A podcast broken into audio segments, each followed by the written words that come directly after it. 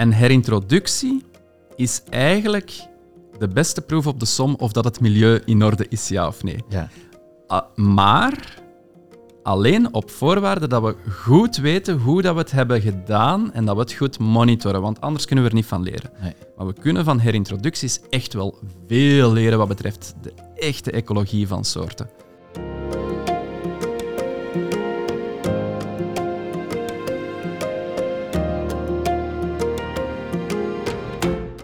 Hey, leuk dat je luistert naar Toekomst voor Natuur, aflevering 46. De podcast met spraakmakende verhalen over natuur en natuurbescherming in de lage landen. Ik ben Antoni Stip en in deze aflevering gaan we het hebben over herintroducties en verplaatsing van planten en dieren. Dat is een snel groeiend veld van natuurherstel en er wordt wel bij gezegd, zelfs door eh, een organisatie als de IUCN, bezint eer begint. Oftewel, denk er goed over na. Hoe moet je eigenlijk omgaan met herintroducties? Is het wel verstandig en onder welke voorwaarden kun je herintroducties wel doen? Over deze vragen ga ik praten met Dennis de Rijk, projectcoördinator Life Harwin en Life Belgium for Biodiversity bij Natuurpunt, Belgische natuurorganisatie, en Tobias Keulemans, professor Biodiversity Conservation and Restoration aan de Universiteit Antwerpen. Dennis en Tobias, van harte welkom in Toekomst voor Natuur. Dankjewel. Goedemorgen. We gaan eh, het zo verder hebben over dat onderwerp herintroducties, waar nogal wat over te doen is. Maar ik wil jullie eerst even introduceren bij de luisteraars. Om te beginnen bij jou, Dennis. Jij maakte de overstap van je PhD, waarin je onderzoek deed aan genetische verspreiding van mangroven aan de kust van Oost-Afrika, naar Natuurpunt. En ik ben wel nieuwsgierig, waarom maakte jij die overstap van wetenschap naar praktijk? Wel, dat zijn echt verschillende facetten die losstaan van het feit dat ik heel graag aan wetenschap werkte.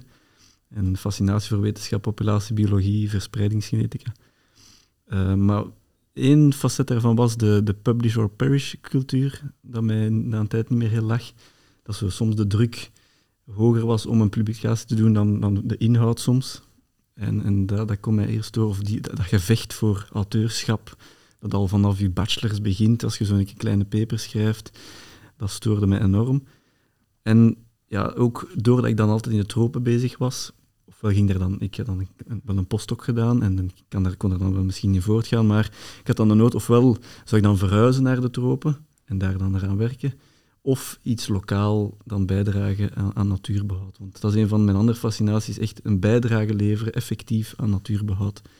En dat is daarom dat ik dan de overstap heb gemaakt van, naar, van wetenschap naar natuurbehoud. En dan kom je al snel bij Natuurpunt ja. langs, die, die op zo'n heel interessante dingen werken. Dan ben ik eerst in de staf van de beheeruitvoering terechtgekomen, waar dan, dan echt het natuurbeheer praktisch gaan uitvoeren en, en daar aan meegewerkt voor vier jaar. En dan nu recentelijk overgestapt naar een projectcoördinatorfunctie, uh, Life Harm en Life Belgium for Biodiversity, wat dat dan weer iets meer naar de biologie toe was, uh, wat ik ook wel uh, heel interessant vind. Ja. En zeker nu ook, waar, waar we het vandaag over hebben, ja, heel interessante stof om Ja, mee bezig te zijn. Zeker. Nou, over dat live hiring komen we zeker ook eh, nog te spreken. Tobias, eh, jij eh, volgt nog steeds het pad van de wetenschap. En eh, ik ben wel nieuwsgierig van hoe draag jij nu bij in jouw werk aan eh, herstel van biodiversiteit? Dat is een goede vraag.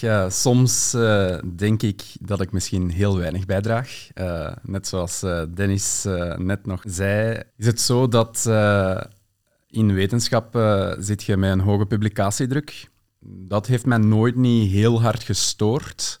Wat mij daar wel in eh, heeft gestoord, of nog steeds stoort, is dat die publicaties die je dan doet, dat die vaak in een kast verdwijnen dat die vaak niet vertaald worden naar het terrein. Dat, uh, en wij als wetenschappers of, of als doctorandi, postdocs, maar ook als professoren, uh, wordt het niet beloond om de vertaling te doen, de vertaalslag naar het terrein, naar de realisaties op het terrein, of wat kan je nu met wetenschappelijke inzichten op het terrein, in mijn geval wat betreft biodiversiteit dat is eigenlijk in mijn vrije tijd dat ik dat er extra bij doe. Kijk.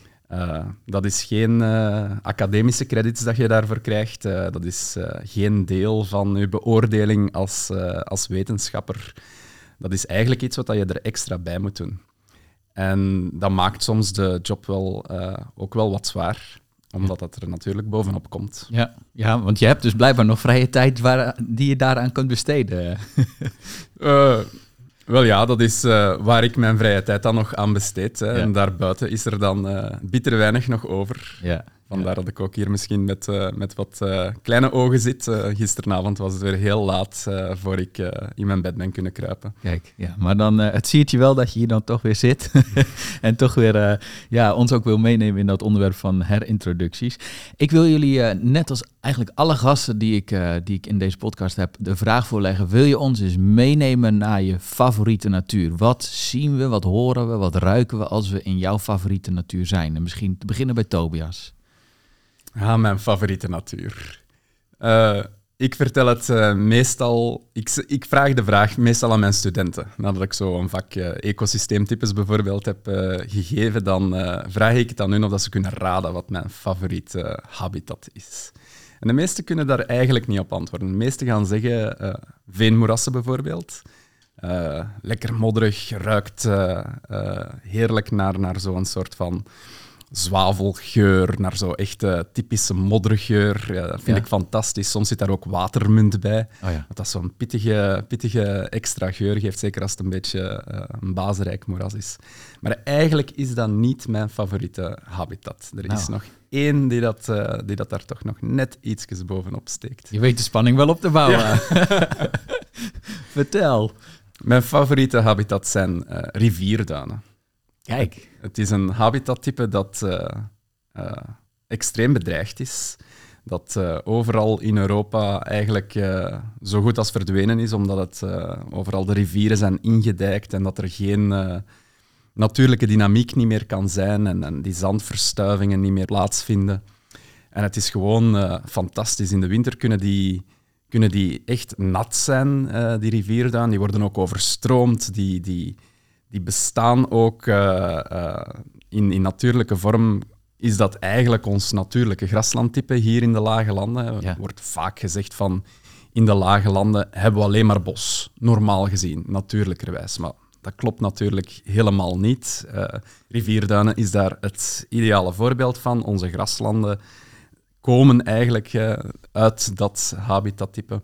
En er zijn nog een aantal kleine plekjes in Nederland bijvoorbeeld, langs de IJssel, langs de Maas. Um, en een paar plekjes in Duitsland, in Polen, waar dat je nog een idee kan vormen van, van die echte wildernis. Uh, en die, die bloemenpracht die dat erbij is, al die zandbijen, al die vlinders die dat erbij horen. En af en toe een eland die dat er dan voorbij komt in Polen dan weliswaar, Ja, ik niet in. Nederland. Waar heb je dat gezien? In, in Polen, Ja, ja, ja, ja, ja. ja. ja. Dat was een bijzondere ervaring eh, als je naar de bloemetjes... Ik, ik, zit, ik ben plantkundige oorspronkelijk van opleiding, dus ik zit vaak met mijn neus tussen het gras. En eh, ik was hetzelfde aan het doen, ergens in het midden van de Biebza in Polen, ehm, gemakkelijk 10 kilometer van de dichtstbijzijnde weg. Ik, ik, ik, ik snuister daar tussen dat gras en plots hoor ik zo'n brommend geluid op de achtergrond. En ik dacht van, wat is dit? Ja. En ik keer uh, mij om, ik kijk op en ik zie daar een eland, schofthoogte, twee meter hoog, met twee koeien erbij, dus uh, twee vrouwelijke elanden, en een kalf. En ik dacht van, ai, Ja. wat moet ik nu doen? Ja. Uh, dat was op, op ongeveer 20, 30 meter. En ja, het was een heel spannend moment, maar uiteindelijk waren dat zeer vriendelijke dieren en heb ik zeer rustig kunnen mij terugtrekken. Dus, Kijk, ja. Ja. Over de, het het eh, samenleven tussen mensen en, eh, en grote zoogdieren. Hier weer een mooie illustratie. Ja, leuk. Dankjewel. Dennis, hoe is dat voor jou? Wat, wat maken we mee als we in jouw favoriete natuur zijn? Bij mij is dat niet zo echt ge- gelinkt aan een specifiek habitat, maar bij mij is dat vaak de, de grootschaligheid of, of het gevoel van een- in robuuste natuur te zijn. En enerzijds zijn dat bij voor mij bergecosystemen, omdat ik eh, ja, mijn tweede passie is rotsklimmen. Ja. Maar ja, dus het gevoel van zo die robuustheid te hebben en, en zo van het ene ecosysteem in het andere te, te gevallen en met die overgang erbij. Ik kan heel erg genieten van in een soort open bos te wandelen, met open plekken waar dat dan vlinders vliegen en dan opeens eh, in een open gebied te, te struinen met dan graslanden of moerassen en dan een mooie zoomvegetatie. Dat is iets waar ik heel veel van, van opkikker.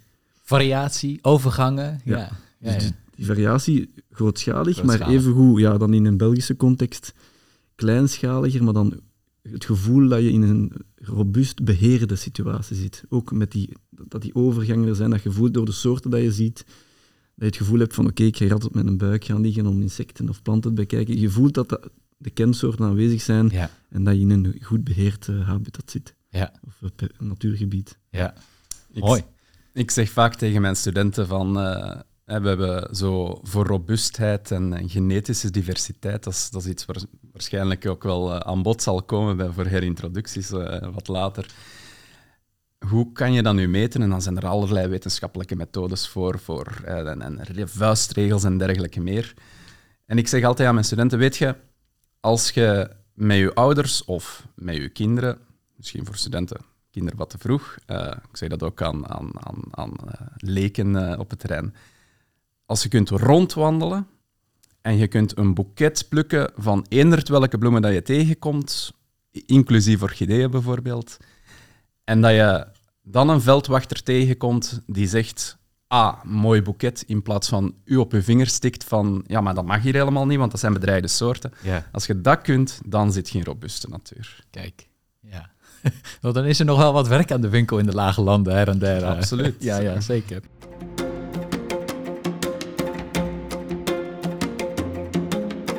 Ja, we gaan het hebben over eh, dat onderwerp van deze aflevering, herintroducties als onderdeel van biodiversiteitsbehoud.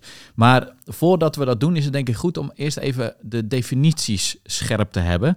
Ehm, dus daarom wil ik jullie vragen, wanneer is er sprake van herintroductie en wanneer bijvoorbeeld van translocatie? Neem ons even mee in die definities. Translocatie is een beetje de, de overkoepelende term die alles omvat, hè, van verplaatsingen van soorten. En herintroducties, wat wij nu ook in, in dat project doen, is het herintroduceren van soorten op plaatsen dat ze al, al voorkwamen. Korter, korter of langer tijd geleden. Ja. En is daar nog een tijdspanne aan verbonden? Dat is een beetje semantisch, hè?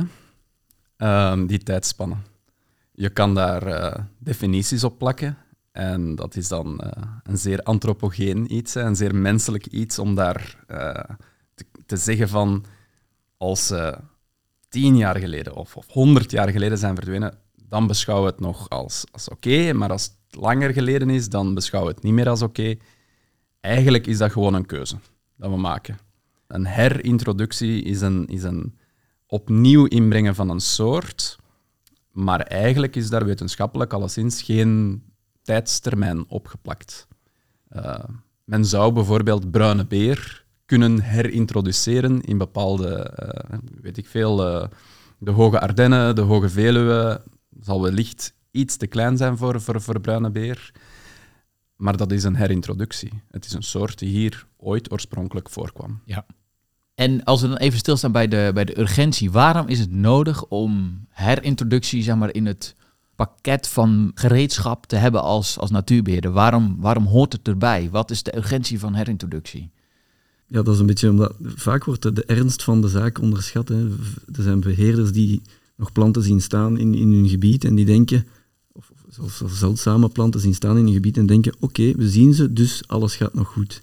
Terwijl achterliggend misschien ja, genetisch die totaal verarmd zijn en dat je eigenlijk met een, wat Tobias zo genoemd heeft, fantoompopulatie zit, dat je eigenlijk weet dat die gaan verdwijnen. En ja, ze denken dus dat het goed gaat, maar eigenlijk zit je in een situatie die heel slecht is. En dan zijn herintroducties wel heel goed om die verarmde situaties aan te pakken. De Living Deads wordt dat ook wel eens genoemd, toch? De Living Dead. Ja. Ja. Het wordt zwaar onderschat, hè, dit probleem. Wij kijken vaak naar natuur. En als we naar natuur kijken of soorten die aanwezig zijn, dan zien wij voor sommige soorten zien wij het heden. Uh, soorten zoals vlinders bijvoorbeeld, die zich elk jaar moeten voortplanten of ze verdwijnen, Ja. dan zien we wel degelijk de hedendaagse situatie.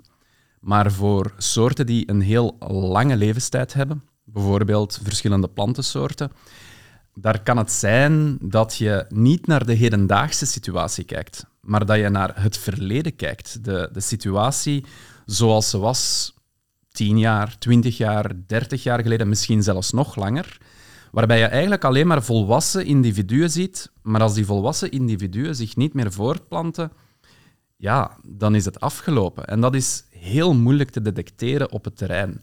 Er zijn methodes voor om dat te detecteren op terrein. zie mijn verdere leestip uh, op het einde van de podcast. Uh, maar eigenlijk is voortplanting in populaties heel erg belangrijk. En het zit vaak in die voortplanting van populaties dat het misloopt. Men moet eigenlijk een regelmatige recrutering hebben van nieuwe individuen om te kunnen spreken van gezonde populaties. En dat is een aspect dat we jarenlang, decennia lang hebben genegeerd in het natuurbeheer. Het is te zeggen, we gaan ervan uit dat als we bijvoorbeeld in een grasland maaien en afvoeren, dat het dan wel goed zal zijn. De, de, zaden zullen wel vallen uit het hooi en de, de, soorten zullen, zich, zullen dan wel kiemen als de bodem in orde is, eh, als de manier van, van maaien eh, goed is. Maar dat is niet noodzakelijk zo. Want het is niet alleen een, een abiotisch aspect, waar dat we als beheer vaak op inzetten. Dus met andere woorden, de bodem, de waterhuishouding, ehm, de stikstof uh, in, in, in het ecosysteem bijvoorbeeld. Maar het kan ook zijn, zoals Dennis aanhaalt, dat door dat er biologische processen zijn die niet meer uh, goed lopen. Een voorbeeld, de genetische erosie die werd aangehaald. Als een populatie te klein is geworden, dan gaan die geen zelden of, of, of minder alleszins vruchtbare zaden maken. Minder vruchtbare zaden betekent minder nakomelingen, zelfs al is het milieu prima in orde. Zelfs al is dat prima in orde, ja, dan kan het zijn dat er toch nog altijd niks gebeurt, omwille van het feit dat die biologische processen verstoord zijn. En dat is iets waar we met herintroducties op willen ingrijpen. In het klassieke natuurbeheer grijpen wij eigenlijk alleen maar op het abiotische deel in, op het milieu. En in het, in het zullen we maar noemen, natuurbeheer 2.0, uh, eh, gaan we ook op het biologische uh, proberen in te grijpen. Ja, om te zien, bij, vaak bij natuurherstelprojecten dat we dan doen, dat je inderdaad die abiotische factoren in orde krijgt en je hebt het hersteld, het habitat is oké, maar we zien dat, de soorten, dat het leeg blijft, dat de soorten niet uh, er geraken. En dat, is ook vaak de soort, zijn ook vaak de soorten dat je moet gaan herintroduceren, of dat nuttig zijn om te herintroduceren. Die geraken er niet meer natuurlijk. Die, blij, die zijn overblijvend of in relaxsituaties, lang, in overhoekjes, prikkeldraadvegetaties, uh, langs wegbermen. En die geraken er spontaan niet meer. Die tijd van spontaniteit die is, is echt voorbij. Want ze geraken er gewoon niet. Dus dan hebben die dat hulp, de hulp nodig om terug in hun natuurgebied te komen. En is de keuze, ofwel doe je dat, ofwel doe je het niet. Maar ja, als je het niet doet, ben je ze kwijt. Ja, nu hebben we dus al uh, een aantal uh, ja, argumenten eigenlijk behandeld uh, die pleiten voor herintroducties. Ik denk dat het goed is om er nog even op door te gaan. En dan ook de, de, de tegenargumenten die ook wel gebruikt mhm. worden in het debat over herintroducties, om die ook even langs te lopen. Dus het lijkt me goed om dat nu even te doen. Voor- en tegens van herintroductie. Je hebt al een aantal voordelen of voorargumenten genoemd. Ja, ik denk dat de meeste tegenargumenten veroorzaakt worden door dat er introducties of translocaties niet goed of niet goed onderbouwd En dat daardoor dan de slechte voorbeelden naar boven komen en dat dat echt heel nefast is voor dan verder ja, dat een beetje aan de gang te krijgen, die herintroducties en translocaties. Ik denk dat, dat, al een, ja, dat er niet veel tegenargumenten zijn, maar dat het er zeker naar publieke opinie wel al veel veroorzaakt. Nou ja, wat ik ook wel hoor in het debat is van, ja, kijk, uh, maar dat heeft met een natuurbeeld te maken. Wat vind je natuur? Uh, alles wat de mens aanraakt, zeg maar, dat is dan geen natuur meer in sommige natuurbeelden.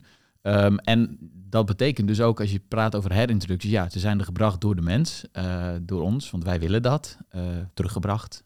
En dat maakt dat het eigenlijk een soort uh, nep-natuur is waar we naar kijken. er gaat ook wel zo'n meme rond, uh, rondom herintroducties van uh, Mr. Bean, die dan een kaartje zit te schrijven aan tafel en, en in een envelop duwt.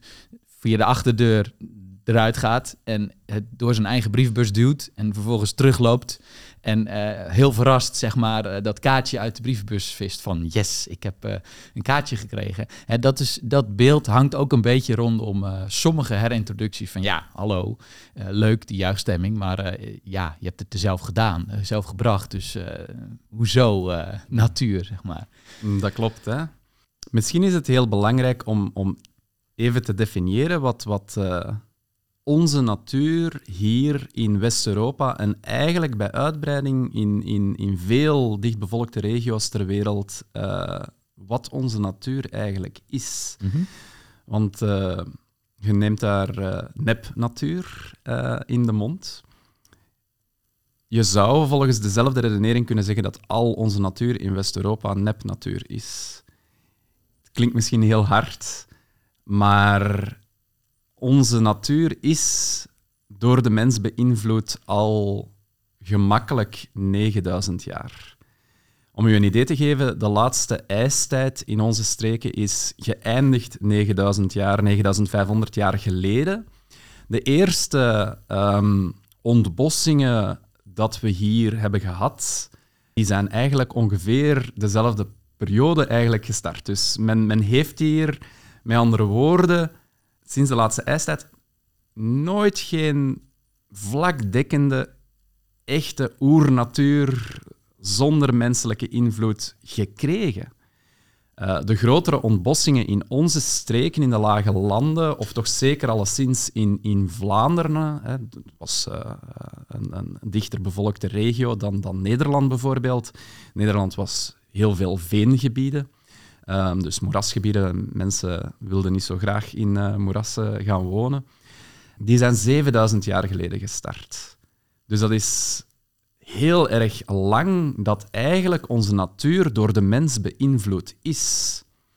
Nu, betekent dat daarom dat onze natuur nepnatuur is? Nee, ik Daar kan zeggen... je een hele filosofische discussie over gaan voeren. En uh, die mag ook gevoerd worden. Ja. Daar is ook helemaal geen probleem mee. Wat dat belangrijk is om te weten, is dat de biodiversiteit die we hebben, de soorten die hier in onze omgeving voorkomen, dat dat niet nep is.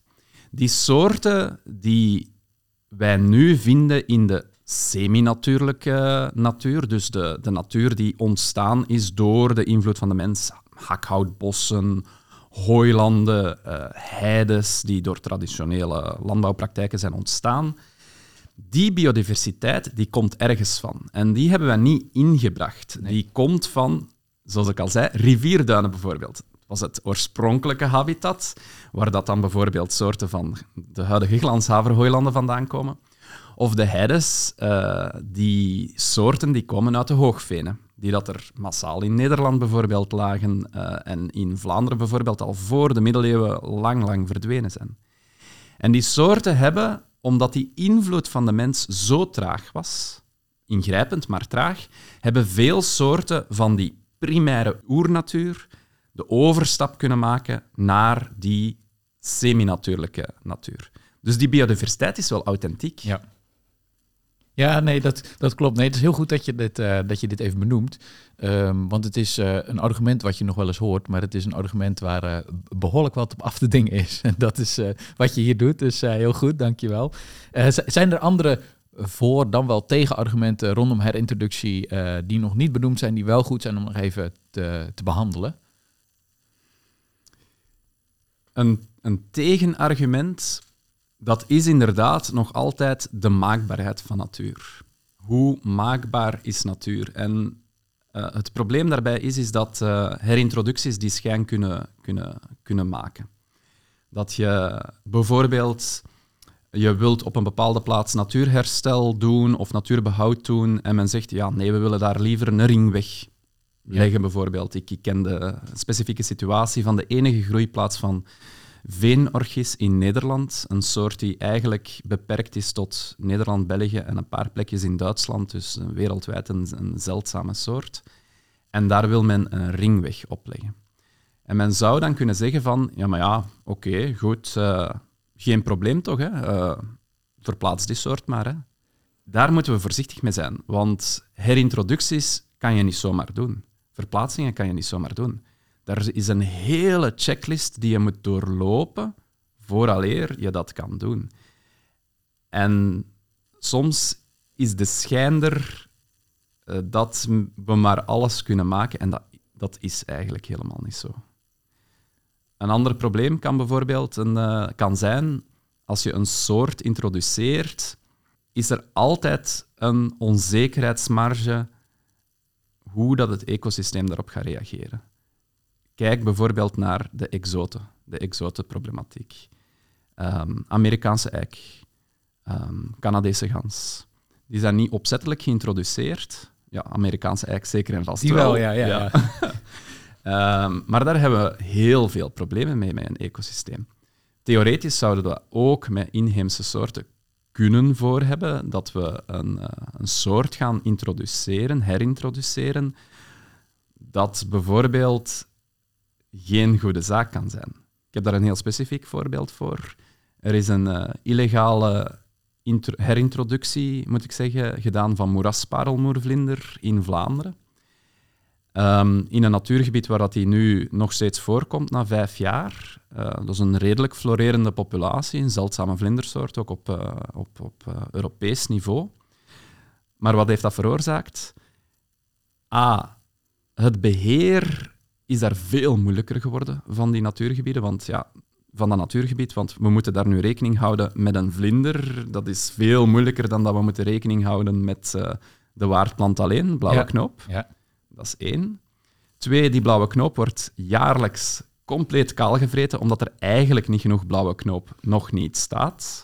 Dus we hadden eerst moeten werken aan grotere populatie blauwe knoop, vooraleer dat eh, die vlinder daar zou losgelaten worden.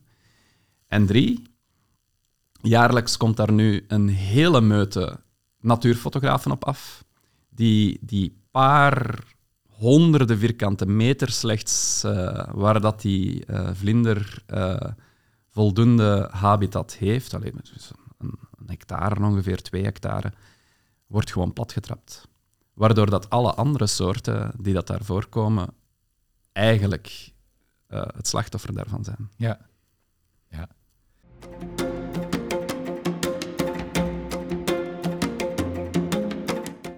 Ja, dat is wel een mooi voorbeeld. Eh, Ik wilde jullie nog vragen hoe jullie daarnaar kijken, maar eh, eh, je, je haalt hem al zelf aan, zeg maar. Want er wordt gewoon een hele hoop gesleept, ook met planten en dieren, door liefhebbers, bewust, onbewust, heel soms ook. Ehm, en daar heb je mee te maken. Ik bedoel, in, in, in, in de duinen in Nederland heb je bijvoorbeeld duiken er opeens boomkikkers op op plekken waar ze nooit zaten. Je hebt in Nederland ook een, een, een reservaat, een graslandreservaat, waar opeens zilvermanen opduiken, omdat een beheerder dat leuk vindt. Ehm, dus dat gebeurt ook. Eh, misschien is dit ook wel een goed moment om het even te hebben over de voorwaarden eh, waaronder je aan een herintroductie eh, moet gaan denken. Dus er moet nogal wat aan toetsen en zo doorlopen worden. Ehm, neem ons eens mee. Wat is er allemaal nodig voordat er tot herintroductie wordt overgegaan? Ik vind dat soms eh, een soort activisme wel oké is. In zijnde dat, stel dat je ergens een, een tuin hebt, dat je weet die gaat omgeploegd worden. Eh, iemand wil van zijn bloemrijk gazon voor een of andere reden af en wil wekelijks gaan maaien eh, met een prachtig gazonnetje. Ja, want dat is toch een nationale Belgische sport soms. Dan is het, vind ik, oké om activistisch dan te gaan ingrijpen en die soorten gaan weghalen en eventueel te vrijwaren. En daarna kan je nog wel documenteren. Maar dat is natuurlijk los van het gesleep met soorten en, en waar dat, dat dan vaak fout loopt en dat je misschien zelf de bronlocatie dan gaat schaden als je die zomaar ver, versleept. En dat is inderdaad waarom dat dan heel belangrijk is om ja, die, die, ja, eh, dat framework en, en die, die definities en, en, en de regelgeving te volgen dan eigenlijk. Ja. Ja. Ja, dus enig activisme, dat, eh, dat, dat, dat is wel, wel op zijn plaats. Maar dan nog gelden er natuurlijk wel voorwaarden waaronder een herintroductie eh, alleen mag plaatsvinden. Neem ons eens mee. Ja, die regelgeving is denk ik recent ook ehm, in, in België geüpdate in 2021 met de leidraad Translocaties voor biodiversiteit in Vlaanderen. Dus ik denk dat dat daardoor iets vereenvoudigd is en dat we dan nu ja, misschien ook mensen kunnen aanzetten om er sneller toe- naartoe te grijpen en het niet zelf te, zonder eh, een of ander eh, document en regelgeving aan de slag te gaan. Dus ik denk dat dat wel, wel iets goed is, want ja, je blijft zo'n beetje in een cirkelbeweging zitten waar dat dan er gesleept wordt met soorten omdat ze niet naar de documentatie willen gaan en de regelgeving. En dan de regelgeving die zegt, ja maar ja, eh, het gebeurt niet goed. Je moet tenminste kunnen aantonen dat je het nuttig, haalbaar en, en duurzaam maakt. En ook terecht. Ja, ja. Dus blijf je zo een beetje in een cirkel zitten. Maar er is dus een ver- vereenvoudiging geweest. eh. Ik weet niet of dat je het een vereenvoudiging zou mogen noemen. Ehm, er, ja, ik zie Dennis hier naast mij al meteen zo, oei. Ehm, het is op papier Op gezet. punt gesteld. Hè. Ehm, en er was voorheen geen leidraad. En die leidraad is geïnspireerd door uh, de regels ook die dat uit wetenschap komen en de UECN. En kijk, dat gesleep en die illegale uh, introducties of herintroducties of trans verplaatsingen, dat zal ook uh, plaatsvinden omwille van het feit dat de regels... Dat, ja, misschien als mensen lappen we graag de regels aan onze laars, maar ook omdat ze dikwijls heel complex zijn. Dus ten eerste bijvoorbeeld moet het milieu in orde zijn. De, de randvoorwaarden voor het kunnen in stand houden van een populatie, dat moet al in orde zijn. En dat is zeker niet zomaar eenvoudig om te bepalen of dat, dat in orde is. Zeker niet in een nieuwe situatie waarin we ons bevinden. Klimaatverandering, stikstofdepositie, zeer kleine gefragmenteerde natuurgebieden vaak. Is het milieu dan wel in orde? En dat is niet zomaar zwart op wit te kunnen zeggen. Dus dat maakt het al moeilijk. Uh, maak maar eens een keer een document op, zeker als leek of, of als, uh, als gewoon enthousiaste vrijwilliger of als liefhebber. Begin er maar eens aan. Dus dat, dat, is, dat is zeker niet eenvoudig. Dus vaak ligt de taak dan meer bij wetenschappers of bij uh, professionelen. En ja, als we dat voor alle soorten gaan moeten doen, dan, uh, dan is het heel erg moeilijk. Dus ik weet niet of dat die leidraad, die dat voornamelijk geschreven is vanuit een wetenschappelijk oogpunt, of dat dat eenvoudig is voor een liefhebber of vrijwilliger om zich daarin in te schakelen. Een tweede aspect, randvoorwaarde bij herintroducties, dat zeer belangrijk is, is dat je de bronpopulatie niet mag schaden. Dus waar dat je de soorten vandaan haalt om ze te verplaatsen, mag je niet schaden. Nu, Dennis heeft hier al verwezen naar bijvoorbeeld een enig activisme. En als er bijvoorbeeld een, uh, een tuin wordt omgeploegd waar dat er nog uh, bijvoorbeeld blauwe knoop groeit, of als er een wegberm zou vernietigd worden waar er probeer een voorbeeld te nemen. Bijvoorbeeld uh, vanuit Nederland. Het uh, donker pimpernelblauwtje zit in Nederland alleen nog maar in een wegberm. Stel dat men daar toch kiest om daar geen specifiek beheer te gaan voeren voor het donker pimpernelblauwtje. Ja, dan zou je het sowieso kunnen proberen om, om die, die populatie te verplaatsen. Maar dat, neemt altijd, dat is altijd risicovol. Een populatie verplaatsen is niet vanzelfsprekend. Um, en dat heeft altijd een zeer grote kans op mislukken. En men moet dus altijd in rekening nemen van, ja, gaan we wel een zekere slaagkans hebben? En dat is weer een probleem voor vrijwilligers of voor liefhebbers om in te schatten. Vaak is het zo dat als er een soort verplaatst wordt, dat er enkele individuen worden verplaatst. En enkele individuen verplaatsen dat is gewoon rampzalig. In die zin dat enkele individuen niet voldoende zijn om een populatie te stichten. Als je heel, heel veel geluk hebt, dan kan dat. Technisch gezien kan je met een mannetje en een vrouwtje een populatie stichten. Ja. Maar genetisch gezien moet je dan eigenlijk, is de kans dat dat dan een genetisch gezonde populatie gaat zijn die dat effectief gaat standhouden, is ongeveer gelijk aan de kans als vijf keer op rij de lotto winnen. Om maar een idee te geven. Ja. Dus je moet met voldoende individuen verplaatsen. En met voldoende spreken we nog altijd niet over 10 of 20. Dan spreken we over 500. Soms, soms nog meer, soms, soms enkele duizenden.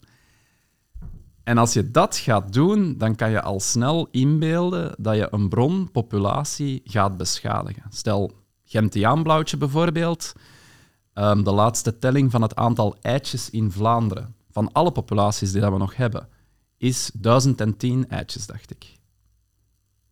Dat is niet veel. Nee, en van die eitjes sterven er ook een hele hoop. Ja.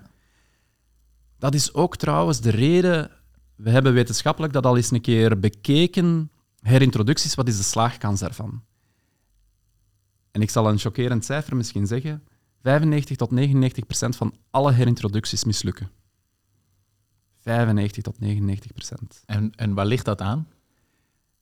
Dat is, en dat is alleen van de herintroducties dat we kennen, dat is omdat de meeste eigenlijk met te weinig individuen gebeuren. Dat is dood eenvoudig daarom. Als we ertoe overgaan, moeten we met veel individuen werken en niet zomaar in één jaar, maar dat spreiden over verschillende jaren. Waarom? Het ene jaar dat je bijvoorbeeld grote tijm herintroduceert en het is toevallig daar op dat uh, rivierduin bijvoorbeeld. Ja.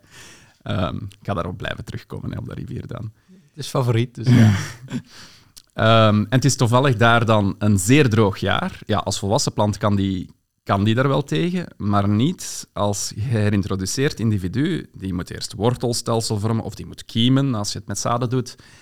Ja, dan sterven die af. En dat is ook normaal. Dat, zou ook in, in, in een normale populatie zo het geval zijn. Dus je moet dat ook spreiden over verschillende jaren, omdat je rekening moet houden met goed weer, slecht weer, uh, bepaalde omstandigheden.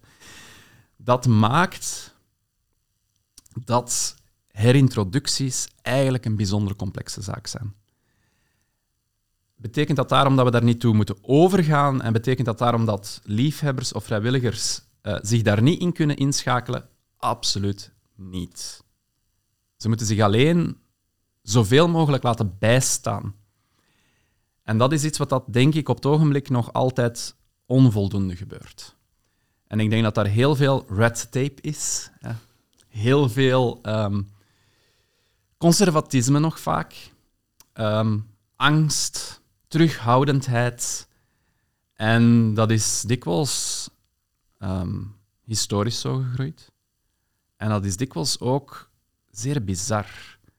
Kijk, vissen bijvoorbeeld vinden we allemaal geen probleem. Miljoenen larven van zalm worden losgelaten in de oerten, terwijl dat er nog steeds een dam staat op de grens tussen België en Nederland, waar die zalmen niet voorbij geraken. Ja. En toch doen we dat. Ja. Dat is allemaal geen probleem. En ondertussen zijn we ook met amfibieën bezig. Boomkikker, heb je het voorbeeld al gehaald, daar zijn ook officiële herintroductieprogramma's voor. Knoflookpad is een zeer groot herintroductieprogramma in Nederland geweest. Ook in Vlaanderen hebben we daarbij gevolgd. Vroedmeesterpad. Vroedmeesterpad, inderdaad. Dus dat begint ook te lukken. Voor planten zijn we daar mee begonnen, met onder andere Live Harwin. Uh, is er daar... Nog enkele andere projecten. Live Herbage bij ons in de, in de Wallonië is er, is er geweest, waar dat dan ook voor het succesvolle um, valkruid zeker is ja. geïntroduceerd, Arnica montana. Dus er zijn wel, wel positieve, allee, veel projecten ja. in, in de richting stilgezaan. Dus dat zijn drie groepen waar dat het dan wel gebeurt. Um, en we hebben in het lange, verdere verleden bijvoorbeeld Raaf en uh, Links, Oehoe, die zijn in de Jura, Vogezen, uh, Zwarte Woud en al, uh, zijn geherintroduceerd. Maar als we dan spreken over bijvoorbeeld dagvlinders, zeer terughoudend. In Nederland één project. Hè, donker pimpernelblauwtje en pimpernelblauwtje in de moerputten en daar is het bij gebleven. Um, officieel dan, het is te zeggen, er zijn enkele... In de jaren 70 is er de veenluzernevlinder als voorbeeld genomen uh, in de hoge venen in de Ardennen. Uh, maar dat is ook mislukt. Ook omwille van het feit waarschijnlijk dat ze het niet met heel erg veel individuen hebben gedaan. Maar er is dan weer zeer grote terughoudendheid voor dat soort groepen. En dat is bizar. Het hangt vaak ook van persoon af en instelling van die persoon. Het, de beoordeling wordt ook vaak gedaan door één persoon. Bij, in ons geval door, bij het Instituut voor Natuur- en Bosonderzoek. Um, ja, en als die persoon specifiek dan voor of tegen herintroducties is, kan dat wel eens mislopen. En ik kan mij dan voorstellen dat je als liefhebber wel ontmoedigd wordt, want ondertussen zie je zoveel verdwijnen. En je wil daar iets aan doen. Als dat dan niet goed onthaald wordt en je hebt eigenlijk ook niet de, ja, de, de, de kennis. Ja, ik, ik, ik, ik studeer nu al twintig jaar daarvoor hè, en ik weet het nog altijd niet allemaal. Nee ja, dan kan dat wel eens een keer ontmoedigend zijn. En dan krijg je situaties waarin uh, plots zilveren maan verschijnt. plots moerasparelmoervlinder verschijnt. Ehm, veldparelmoervlinder, ook een voorbeeld in Nederland, dacht ik, eh, waarvan ook eh, een aantal mislukte voorbeelden. Eigenlijk zouden we een forum of een, of een ehm, platform moeten kunnen bieden voor die liefhebbers om die te kunnen ondersteunen en te kunnen zeggen dat is een goed idee, oké, we gaan daarmee aan de slag. Of nee, dat is een slecht idee en dat ook echt uitleggen waarom dat, dat een slecht idee is. Bij Natuurpunt hebben we wel een soort commissie actief verplaatsen, dat we nu wel weer nieuw leven willen inroepen. En die zou er dan om gaan om inderdaad dit een beetje te bieden aan de vrijwilligers. Een soort ja, check, check van zouden we daarvoor gaan of niet, uh, zonder echt te controleren te zijn, zo, maar toch om een, om een inschatting te geven van wat is het succes of succesratio of, of wat kan je beter doen of waar moet je zeker op letten. En dat, die, ja, dat hebben we wel binnen Natuurpunt samen ook met een richtlijn uh, binnen Natuurpunt, maar die moet wel weer terug een beetje actief gemaakt worden. En Live Harwin is daar, dat project is daar een voorbeeld van waar dat we dat dan willen terug activeren. Um, los van andere projecten binnen Natuurpunt, ja. de urgentieplannen, dat eigenlijk al, al heel lang meegaan, Mhm. waar dat we ook introducties doen in functie van, van verdwijnen of bedreigde soorten in verschillende soorten habitats, kwelgebieden, heuvelgebieden, maar ook specifiek voor soorten. eh knoflookpad, denk ik, eh, bruine eikenpage, Mhm. eh, die soorten allemaal. Maar je zegt, daar zijn we bij Natuurpunt, hebben we daar een werkgroep voor. Maar de beoordeling gebeurt door iemand van het inbouw.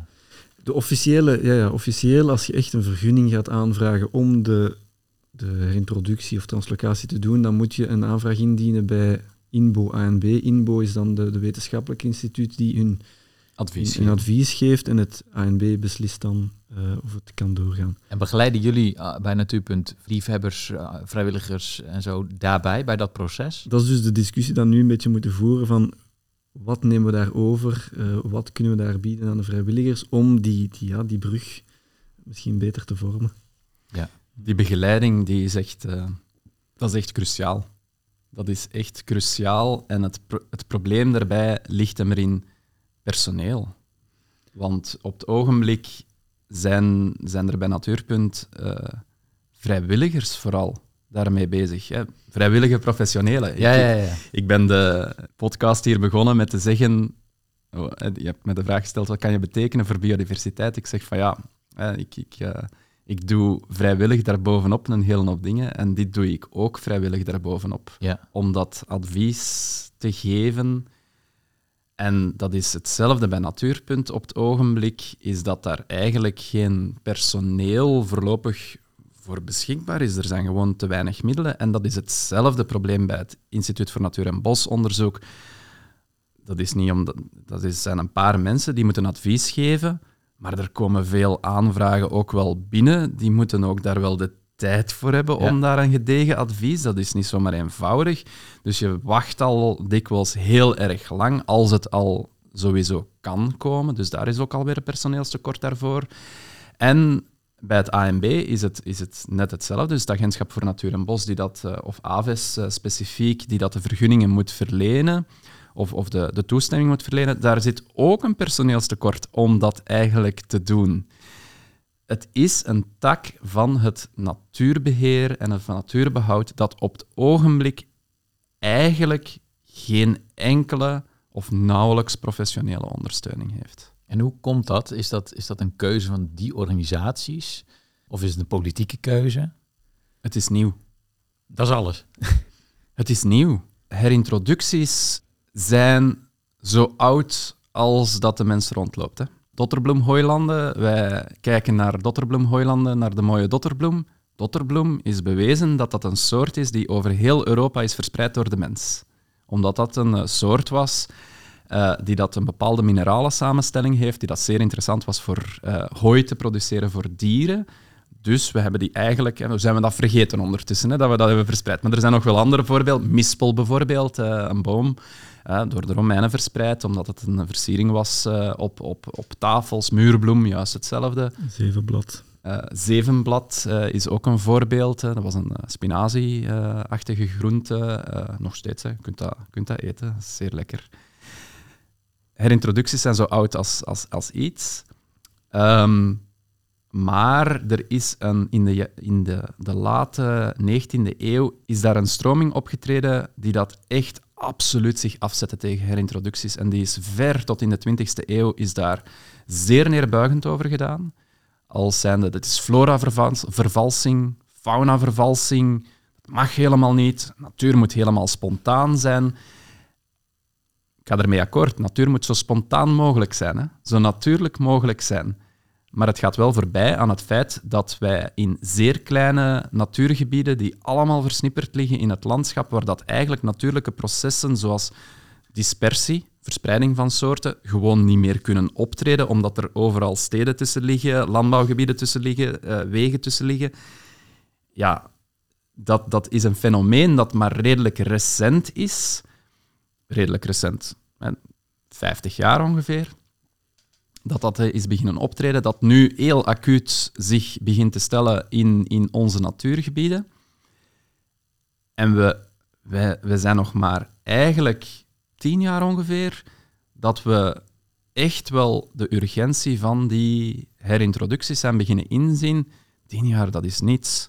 Het is gewoon heel erg nieuw. En daarom is er nog geen hele batterij aan mensen die dat daarmee bezig is. Is dat een keuze van politiek? Ik denk niet dat dat een bewuste keuze is. Ik denk dat als wij als, als wetenschappers of als, als natuurvereniging bijvoorbeeld naar de politiek stappen en zeggen van kijk, wij hebben dit nodig, bijvoorbeeld voor de befaamde Europese instandhoudingsdoelstellingen te bereiken, dan vermoed ik dat daar wel eh, middelen kunnen voor, voor worden gemaakt. Maar ja, goed, natuurbeheer heeft al niet veel middelen op het ogenblik. Hè. Dus het is weer extra middelen. Men is niet altijd zomaar bereid om dat te doen. Bovendien, waar is men, dat, waar is men vaak toe bereid? Symboolsoorten, embleemsoorten. Men is nu bezig met kroeskoppelpelikaan, dacht ik, in Nederland, omdat dat een heel opvallende soort is. Korhoen? Ja, ik Ja. zie je al onmiddellijk kijken. Ja, dat Zowel eh, in de Hoge Veluwe als in de Hoge Venen hebben ze dat geprobeerd, maar dan gezien dat het... Nou, Sallandse Heuvelrug, maar daar wordt dus, ja, maar ja, nou ja, goed. de- de- de- volgens mij is daar het punt van: is het gebied op orde? Zijn de condities geschikt? Nou, dat, daar kun je grote vraagtekens bij stellen, want de kuikens komen gewoon niet groot. Ja, ik bedoel, eh, voortplanting noemde je net. Eh, ja, dat is- dus heel erg de bottleneck. En als dat voedsel er niet is, die grote insecten die die kuikens nodig hebben, specifiek nu over korhoen, ja, dan kun je bijplaatsen wat je wilt vanuit Zweden. Maar dat is gewoon elke keer weer dooft dat uit. Maar ook omdat dan de input van her- her- herintroductie te laag is. Hè, dat ze te weinig bulk herintroduceren om er nog genoeg over te houden om een leefbare populatie te krijgen. En ik dacht dat ook het probleem was van ofwel kweken we in bulk, maar zijn die kuikens helemaal niet, hebben die geen aanleg om, om, weg te kruipen van een havik die langskomt, of je doet het dan omgekeerd en je laat ze dan opvoeden door hen zelf en eh, een beetje half natuurlijke situatie en dan krijgen ze misschien wel eh, dingen mee, maar dan krijg je niet genoeg. En dat het dus eigenlijk vooral iets was van te weinig aantallen eh, loslaten verschillende jaren aan elkaar, waardoor dat je gewoon al niet geen goede kans biedt. Dat het, Het is- nooit, nooit kan slagen gewoon. Het is een perfect voorbeeld van wat er allemaal. Eigenlijk is het een schitterend voorbeeld voor, voor, voor wat er, hoe complex eigenlijk herintroductie is. Je haalt zeer terecht aan: is het milieu in orde? Ehm, er moeten genoeg grote insecten zijn. Zijn die er, ja of nee, is maar de vraag. Hoge Venen blijkt dat dat nog niet de grootste bottleneck moet zijn. Is het klimaat ervoor in orde? Korhoenen zijn zeer, zeer vatbaar voor een bepaalde eh, darminfectie die weggevroren kan worden in de winter, maar als het niet meer vriest, eh, dan ja, goed. Het is niet Ja. voor niks dat die in boreale streken of in de, in de hoge, hoge eh, eh, bergen zit. Ook om de beschutting, om beschutting te zoeken, hebben die echt kou nodig om dan hun onder de, de sneeuw te kunnen Ja. zich verstoppen Ja. en eigenlijk warm te krijgen. Dan moet het koud genoeg zijn. Dus die dingen moeten al in orde zijn. En het is niet gemakkelijk om in te schatten of dat die in orde moeten zijn, eh, kunnen zijn. Je kunt daar voorspellingen over doen, maar daar is altijd een foutenmarge op.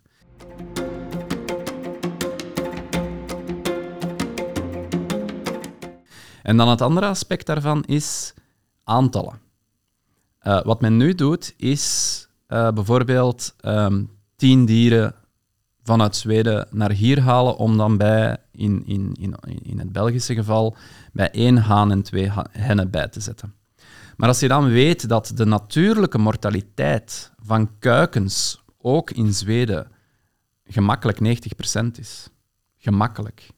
Dat is een natuurlijke mortaliteit. Dat is dan hè, zogezegd het, een ecosysteem dat in orde is. Hè. Ja. En de natuurlijke mortaliteit van volwassen dieren is, is, is ook al gemakkelijk um, ehm, 50%. Die dieren worden niet ongelooflijk oud.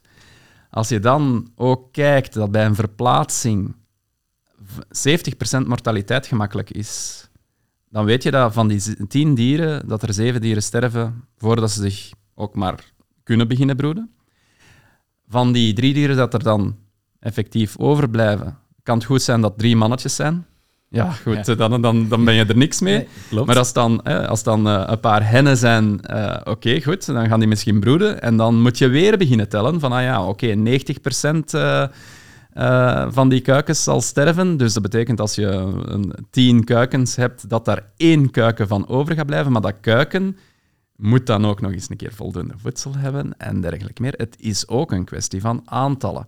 En in dat opzicht, als je daaraan begint, er is eigenlijk een, uh, het is zeer bizar, er is een studie over ruigpoothoenders in Europa. Die studie heeft berekend dat je, om, uh, dat je elk, uh, over een periode van vijf jaar, elk jaar minimaal 30 dieren moet loslaten, wilde dieren. Als het gekweekte dieren zijn in gevangenschap, moet je er eigenlijk al gemakkelijk 50 loslaten. Elk jaar over een periode van vijf jaar, om 50% kans te hebben dat er een populatie zich vestigt. Ja. 50% kans slechts. Ja. Dat is helaas de realiteit van herintroducties. En dan kan je je eigenlijk terecht afvragen, gaan we daar aan beginnen?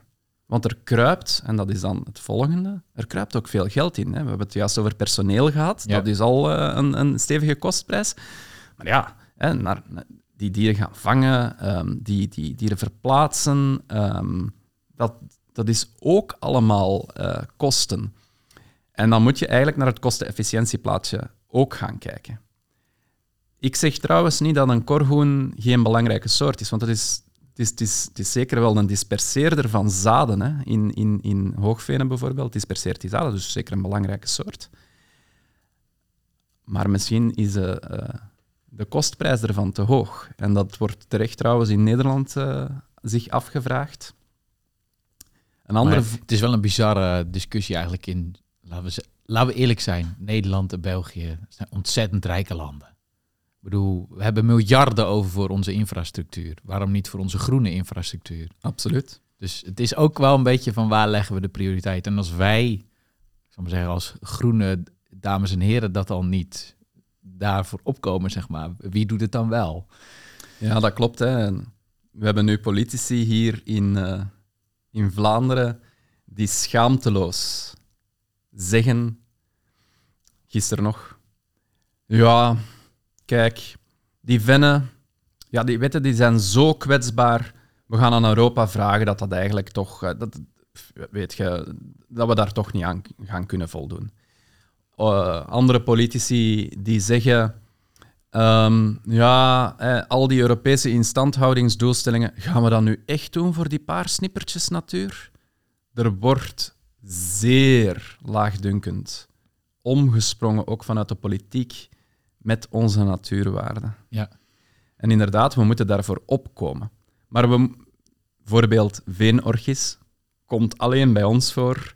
Er zijn zeer veel soorten die eigenlijk hun zwaartepunt bij ons hebben. Dat wordt ook zwaar onderschat hè, door, door de brede bevolking, ja. hoe waardevol onze natuur wel niet is. Maar we moeten ook als, als, um, daar heel nuchter naar durven kijken, zonder emotie. Maar kan dat? Zonder emotie. Ik bedoel, nee. je neemt toch altijd jezelf mee? Dat kan niet. Maar je moet toch proberen om dat zoveel mogelijk uit te sluiten. Want anders kom je in een, een situatie gelijk het korhoen terecht. Waarbij je het eigenlijk doet omdat je dat dier graag ziet. Ja, maar ja, dat is ook de reden dat een liefhebber eh, met een uh, boomkikker of een, uh, iets anders, een moeraspaar of een moevlinder gaat slepen, toch? Dat klopt. Ik zie hem graag, dus... Maar emotie in de, in de equation is, is vaak een recept voor oogkleppen op te doen voor wat er echt nodig is en hoeveel dat het kost. Een voorbeeld, Live Harwin, veldkrekel. We hebben veldkrekel geherin, allez, verplaatst eigenlijk en, en uh, geherintroduceerd. Um, Misschien, uh, waar in België speelt dit? Dit speelt uh, tussen Leuven en Aarschot. Dus dat is een beetje ten oosten van Brussel. Er waren er nog twee relictpopulaties, drie relictpopulaties van enkele tientallen individuen. De, tientallen zingende mannetjes, ik zal het zo zeggen. Um, en dat was ook in een tuin die dat dan werd omgebouwd tot een buxus, typische buxustuin. Dus die, dat was zeer, zeer urgent. Dat is weer het activisme waar Dennis uh, naar verwees. Dat is uh, door vrijwilligers trouwens gedragen geweest. Helemaal ook aangevraagd met de, met de juiste vergunningen, met de juiste insteek en dergelijke meer. Ondertussen hebben wij een, na enkele jaren een populatie in de regio van meer dan duizend zingende mannetjes. En heel dat project heeft 1042 euro gekost. 1 euro per veldkrekel. Oké. Die kweken natuurlijk wel heel, heel, prolief, nee, heel ja. makkelijk. Maar is dat dankzij de inzet van vrijwilligers? Bedoel je dat te zeggen? Of? Dat is dankzij de uh, inzet van vrijwilligers, van uh, de natuurstudiegroep Dijlenland. Dat is een, dat is een tak van, van Natuurpunt. Dat is dankzij uh, de welwillendheid en de, en de positieve inschatting van het Instituut voor Natuur- en Bosonderzoek en uh, van het Agentschap van Natuur en Bos. En dat is een voorbeeld van, kijk, je kan herintroducties ook zeer kostenefficiënt doen. En weet je, een korhoen staat aan de top van een voedselketen. Ja. Hoe hoger dat je in de voedselketen gaat, hoe belachelijk veel complexer het wordt om een soort te herintroduceren. En je hebt het juist aangehaald, grote insecten op de heide zijn nodig voor die korhoenen. Ja, werk eerst dan aan die grote insecten. Ja. Werk eerst aan de plantensoorten die die grote insecten eten. eten. Ja. En dan pas aan die hogere trofische niveaus, zoals we het in de wetenschap noemen. Omdat, ja, je, dat is een beetje gelijk dat je meubelen koopt voordat je je huis hebt gekocht. Ja, als die meubelen in de regen gaan staan, ja, dan, dan moet je... Allez, dat is uh, geen, uh, geen goede investering. Nee, hè? nee zeker niet. Nee. Uh, jullie noemen al Live Harwin, daar wil ik dan even op doorgaan. Um, Dennis, jij bent projectcoördinator daarvan. Um, hoe pakken jullie dat aan? Want jullie gaan dus onder andere een aantal soorten herintroduceren. Veldkrekel noemde je al, maar ook planten heb ik begrepen. Hoe pakken jullie dat aan?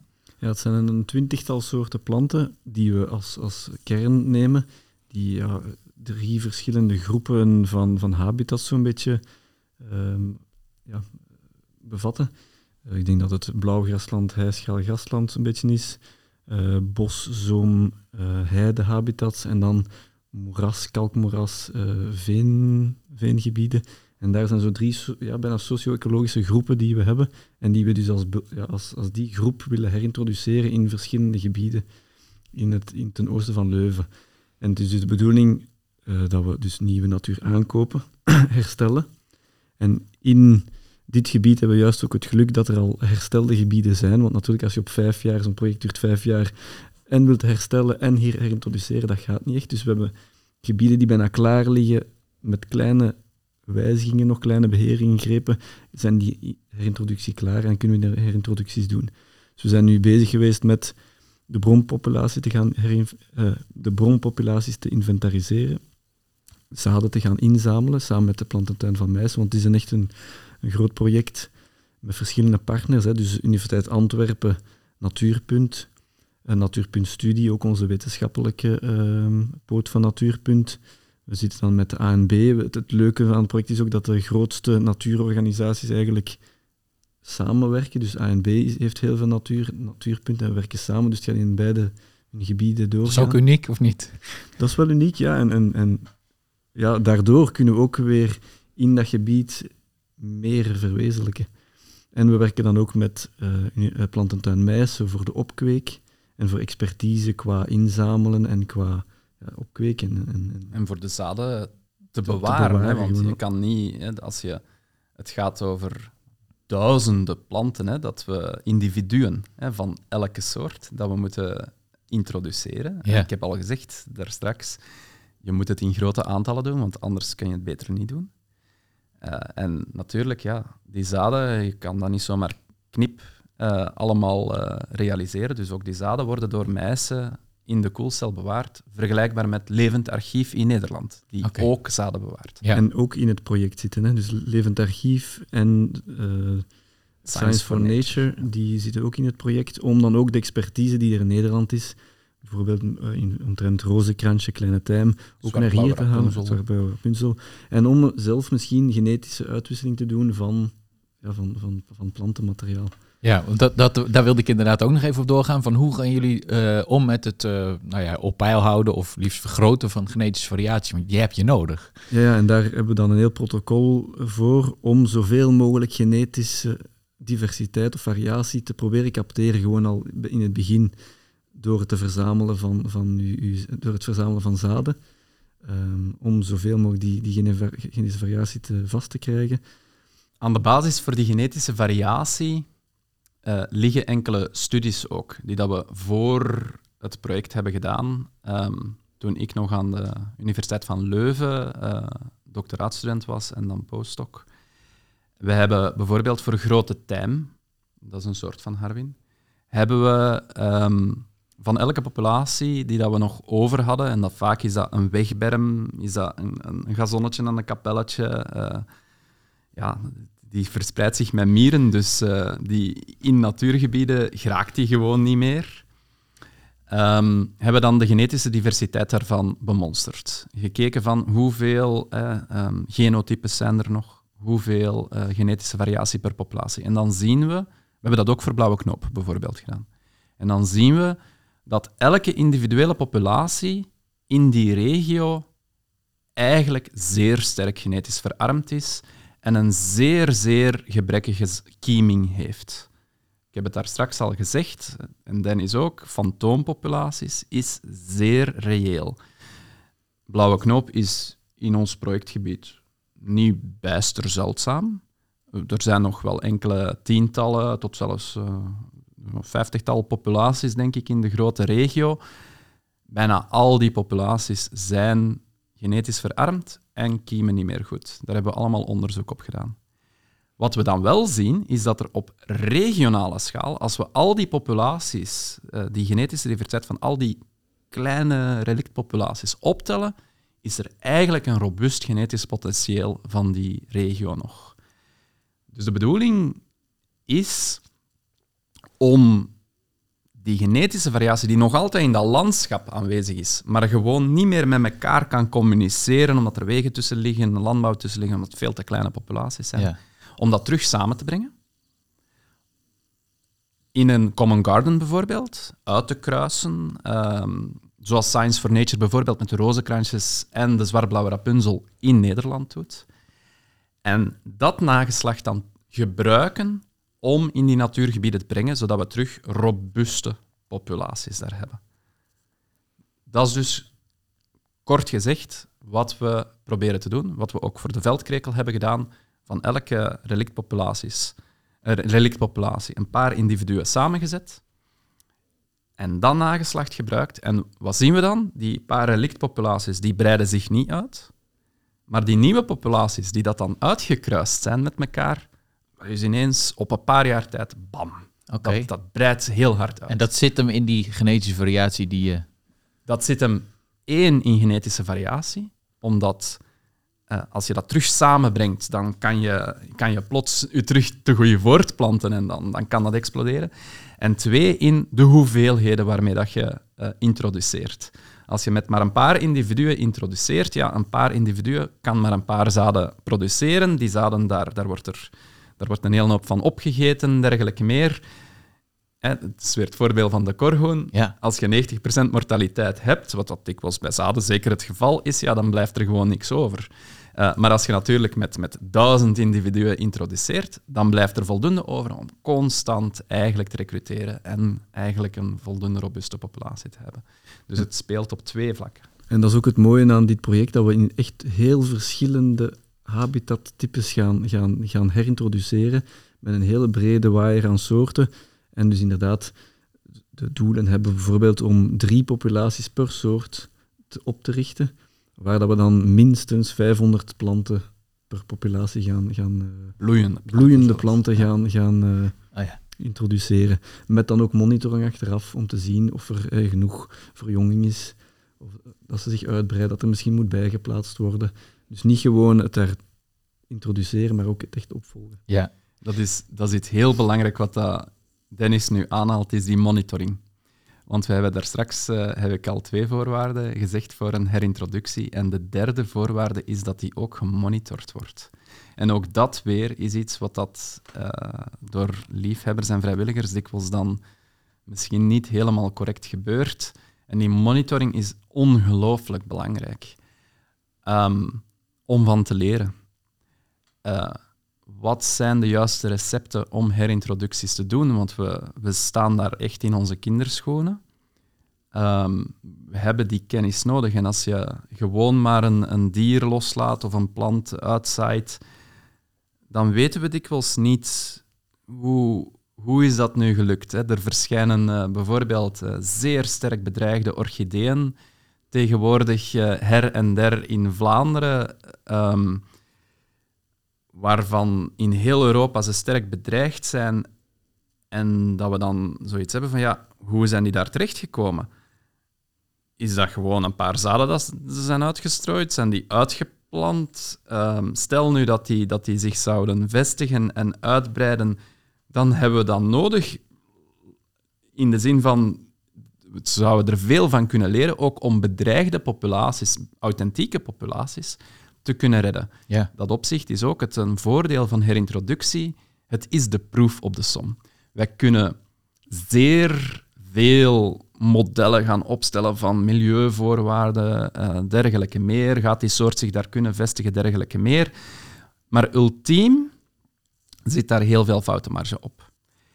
En herintroductie is eigenlijk de beste proef op de som of dat het milieu in orde is, ja of nee. Ja. Ah, maar alleen op voorwaarde dat we goed weten hoe dat we het hebben gedaan en dat we het goed monitoren, want anders kunnen we er niet van leren. Nee. Maar we kunnen van herintroducties echt wel veel leren wat betreft de echte ecologie van soorten. Want modellen, statistische modellen van die soort heeft ongeveer dat bereik van pH in de bodem of eh, die Ja, je- klimaatnische Je, je doet een beetje op de Ellenbergwaarde en de, de dat soort- Ellenbergwaarde ja, en, en dat soort ja. dingen.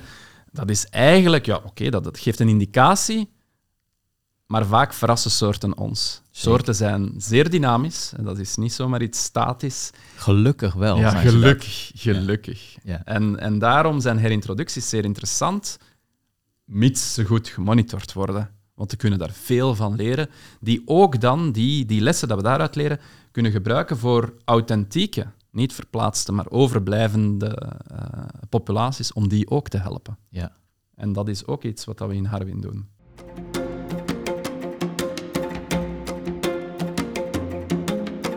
Ik wil nog even eh, jullie ook voorleggen. Er is een paar jaar geleden een, eh, een boek verschenen dat heet Gewilde Dieren. Dat gaat over eh, diersoorten die geherintroduceerd eh, zijn. En er worden ook in een aantal hoofdstukken het maatschappelijke draagvlak zeg maar, eh, behandeld.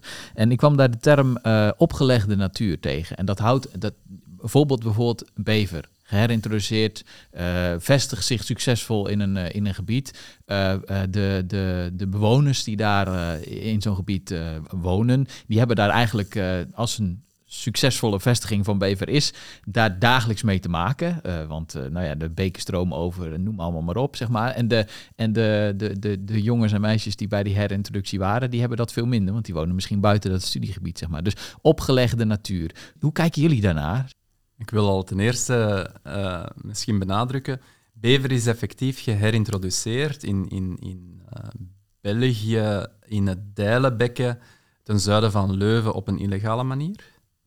Dus die zijn losgelaten zonder vergunning, zonder voorstudie en dergelijke meer. Ehm, maar ik wil wel even uh, ook zeggen, ondertussen was de bever al sowieso in opmars in Europa en was er ook al natuurlijke vestiging in uh, de Ardennen van Ja. de bever. Dus of dat we die nu hadden geherintroduceerd, ja of nee, die had sowieso gekomen. Ja. Net zoals met de wolf. De wolf is niet geherintroduceerd. Nee. Is op een, eh, on- ondanks dat zeer veel partijen dat blijven beweren dat dat wel het geval is, eh, is dat niet gebeurd. Die komt vanzelf. Dus even toch belangrijk, het is niet opgelegd. Het is wat versneld door die herintroductie, maar het is, het is niet opgelegd. Maar ik begrijp wel de vraag. Ik begrijp wel die vraag. Dat heeft eigenlijk met eh, ook eh, hetzelfde vraagstuk als de Oostvaardersplassen, eh, de nieuwe wildernis te maken. Persoonlijk denk ik dat we moeten streven als natuurbeheerders naar ecosystemen en natuur die zo wildernis mogelijk zijn, waar dat we zo weinig mogelijk moeten ingrijpen als mens. Maar je kan geen wildernis hebben op 100 hectare. Je Nee. kan dat niet op 1000 hectare. Je kan dat zelfs eigenlijk niet op 10.000 hectare. Daar heb je gemakkelijk honderdduizenden hectare voor nodig om een ecosysteem te hebben dat voldoende natuurlijke dynamiek heeft om populaties van grote grazers toe te kunnen laten. Je hebt dan ook gieren nodig die dat de dode grote grazers eh, opeten. Je hebt eh, eh, weerom rivierduinen. je hebt die natuurlijke processen zoals overstromingen en zandverstuivingen en, en erosie en, en weet ik veel wat. Je hebt dat allemaal nodig. En ik heb daar straks al gezegd, snippersnatuur. We hebben eigenlijk best wel mooie en grote natuurgebieden nog in de lage landen.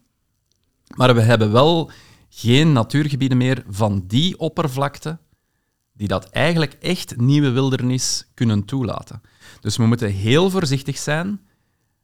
Bever is daar een voorbeeld van. Met hoe dat we bepaalde soorten gaan inpassen in ons eh, systeem. Want bever hebben we echt wel problemen mee ook. Hè.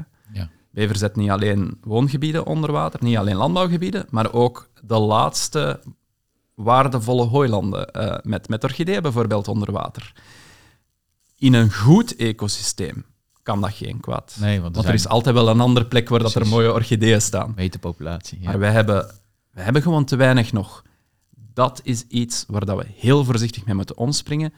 En dat we niet kunnen doen door, weet je, 5000 hectare Westvaardersplassen, we zetten daar een draad rond, we laten daar wat beesten los. Ik, geef, ik zeg het nu een beetje onrespectvol natuurlijk. Hè. En we zien wel wat er gebeurt. Ja, dat, dat is niet... Dat, dat kunnen we niet. Nou ja, het was in, in, in eerste instantie ook niet de bedoeling om er een hek omheen te zetten. Want het was de bedoeling om het te verbinden met de Veluwe bijvoorbeeld. Klopt. En dan heb je alweer een heel andere situatie. Het is wel denk ik een, een goed voorbeeld waarin je ziet eh, hoe de maatschappij betrokken is op natuur. En waar de grenzen liggen van zeg maar, die wildernis. Ja, ja. Want, want nou ja, daar, daar loop je dus keihard tegenaan in het maatschappelijke debat. Nu is het even rustig. Maar in 2018 eh, in Nederland was dat eh, in, een koude winter eh, heel erg, dat debat. Eh, Ja. maar, En ook bijvoorbeeld het voorbeeld van eh, een hond die is aangevallen door een wizend, eh, dacht ik, in de, in de Maashorst. Ehm, ja, dat, dat is meteen heel erg pijnlijk, want wij gebruiken onze natuurgebieden ook om in te wandelen. Ja. Ehm, en dikwijls is ons wandelpadennetwerk enorm dens. Enorm dens. Wat eigenlijk dan weer niet toelaat om eh, wildernis te hebben. Betekent dat dat we daarom niet naar moeten streven? Mm, nee. Ehm, kunnen we dat op 10 jaar tijd? Nee. Kunnen we dat op 50 jaar tijd? Nee. Kunnen we dat op 100 jaar tijd? Ook nee. Maar als we nu natuurlijk het pad niet inzetten, dan gaan we er ook nooit niet geraken. klopt. Soms moeten we verder kijken dan één generatie of twee generaties, drie generaties. We moeten Kathedraal, die dat we kathedraaldenken noemen ze dat ook kathedraal wel. Ja. denken. Ja, Ja. Dat is een heel mooie term. Ja. Die, ga ik, die ga ik stelen voor mijn lessen. Heel goed. Ja, dit de is een, eh, toestemming. Ja. nou, ik, ik heb hem niet zelf bedacht. Er is een, eh, een, eh, een, een Tsjech volgens mij die daar een boek over geschreven heeft. Maar eh, ik kom even niet op die titel. Ehm, Goede voorouders, geloof ik, zoiets heet het. Eh, maar dat is wel een mooi bruggetje even naar eh, het vaste onderdeel van deze podcast waar ik met jullie naartoe wil. Namelijk de leestip voor de luisteraars. Hebben jullie een leestip voor de luisteraars? Ik had er eigenlijk twee en één daarvan zal ik niet te veel over vertellen, omdat er al over gegaan is in een van die podcasts. Dat is de Natuuramnesie van Mark Argelo. Ja. Dat had ik eigenlijk al gelezen voor de podcast en vond ik heel, heel, heel interessant. Eh, dat concept zou eigenlijk veel, ver- veel breder moeten verspreid worden onder, onder biologen die in, in, aan, het, aan het studeren zijn en zo ook. Heel belangrijk concept, eh, dat zou moeten meegeven, die shifting baselines en Ja. dat natuuramnesie dat er is Ja. door altijd ja, jongere mensen die, die, die ermee met de natuur te maken krijgen. Ja, we zijn zo enorm veel natuurrijkdom kwijtgeraakt en we zijn dat ook nog eens vergeten. Ja. Dat is eigenlijk waar dat boek over gaat. En Dat is ook een... eh, de bever is daar een voorbeeld van. Hè? Die is eigenlijk niet ongelooflijk lang uit onze streken verdwenen. Wolf trouwens ook niet. Bruine Nee. beren wel. Hè? Bruine Ja. beren bijvoorbeeld is, is al behoorlijk lang uit onze streken verdwenen. En plots doen wij van, ah, die soort hoort hier helemaal niet thuis. Ja, dus als die soort hier voorkomt en, en ondanks het feit dat die wordt eh, doodgereden, maar die dan toch alsnog blijkbaar eh, zich hier wil vestigen, dan hoort die soort hier thuis. ja, Ook omgekeerd, hè, we zijn al snel tevreden, of, of sommige beheerders zijn al tevreden als ze een huisgaal grasland hebben met tormentil en tandjes, tandjesgras. Maar ja, die komt gewoon uit de zaadbank en misschien zijn er nog heel veel soorten die ook kensoorten zijn, die je best ook weer nog op gaat inzetten. Ja. Ja. de lat ligt door natuuramnesie. Ligt de lat dikwijls heel laag. te laag. En verlaagd. elke En wordt keer. elke keer verlaagd, doordat we elke keer zijn vergeten van... Ja, maar in dat hijsgraal grasland groeit niet alleen tormentil en tandjesgras, maar daar vliegt ook zilveren maan, dus er moet eigenlijk ook hondsviooltjes staan. Ook blauwe knoop eh, moet daar voorkomen, maar ja, natuurlijk eigenlijk ook gelop de maan varen en rozenkransje en arnica. Ja. En eh, daar Mhm. loopt dan een wolf voorbij, waar dat dan een grote parelmoervlinder rond zijn snoet vliegt. En ondertussen op de achtergrond ziet je daar een eh, grazende eland of zoiets. Alles heeft te maken met het natuurstreefbeeld. En wat dat vaak wordt gedaan nu is... Ja, maar jij is een dromer. Ik heb het voor gehad, hè? ook in, in vergaderingen, dat ik echt word weggezet als... Zelfs dikwijls belachelijk wordt gemaakt. Terwijl ik niet zeg, die eland moet daar zijn. Of die moet daar zijn binnen mijn leven. Ja. Hè? Ik zeg wel, als we dat niet als einddoel hebben, ooit, ja, dan gaan we nooit niet geraken. Nee. Als we nu al blij zijn met een kokoksbloem, waarvoor doen we het dan? Ja, nee, ik heb, eh, ik heb Mark, eh, de schrijver van dit boek, eh, ook in de podcast te gast gehad. Aflevering 15 voor de mensen die het willen luisteren. En hij noemde daar het voorbeeld van de grijze walvis. Die, elke keer als er nu een, een walvis in onze wateren geraakt in de Noordzee, dan is dat groot nieuws. En er staat ook altijd bij dat het heel abnormaal is. Terwijl als je een paar eeuwen teruggaat, dan is dat, was dat heel normaal. Dat gigantische scholen met grijze walvis eh, voorbij trokken. En, en, dat, en, en, en dus ook bijvoorbeeld voor de, een groot ecosysteem als de Waddenzee kun je gewoon een grijze walvis als doel, niet voor over tien jaar, Natuurlijk. maar eh, over iets langere termijn. Dat zou het moeten zijn. Hè? En, dan en, en dan weet je ook waar je aan, waar je aan werkt, zeg maar. Dan heb je een agenda voor de komende honderd jaar misschien wel om, eh, om dat eh, te bereiken. En, en dat, is, da, daar, dat is ambitie. Ja. Dat is ambitie. Ja. Die toekomstbeelden moeten echt vastgelegd worden. hè. Ja. En nu hebben wij onze toekomstbeelden dikwijls georiënteerd op eh pre-interbellum-tijd, voor eh, 1940. Terwijl wij dikwijls vergeten, in die tijd, oké, was er nog geen eh, mechanisatie in de landbouw en nog geen wijdverspreid pesticiden en stikstof en, en kunstmestgebruik en dergelijke meer. Maar was er wel al gigantische drainage, enorme ontbossingen, enorme veranderingen in ons landschap wij oriënteren ons op een, op een streefbeeld dat, dat ook al sterk gedegradeerd is. ja, precies. Ja. We moeten ons oriënteren op wat er mogelijk is op zeer lange termijn en dan de tussenstapjes daartussen, kleine stapjes definiëren van hoe kunnen we daar geraken. Ja. En dat allemaal naar aanleiding van Dennis, jouw Ja. eerste leestip. Maar je had er nog één. eh. Ja, en die heb ik eigenlijk ook ge- ge- gestolen uit jullie podcast. En, maar die vond ik zo goed dat ik die gerust nog een keer wil eh, laten weten. Dat, Ja. eh, was de podcast met eh, Stefanie Schelfout en dat Ja. ging over de English Pastoral. Ja. De pastorale van James Rebank. Ja. Rebanks.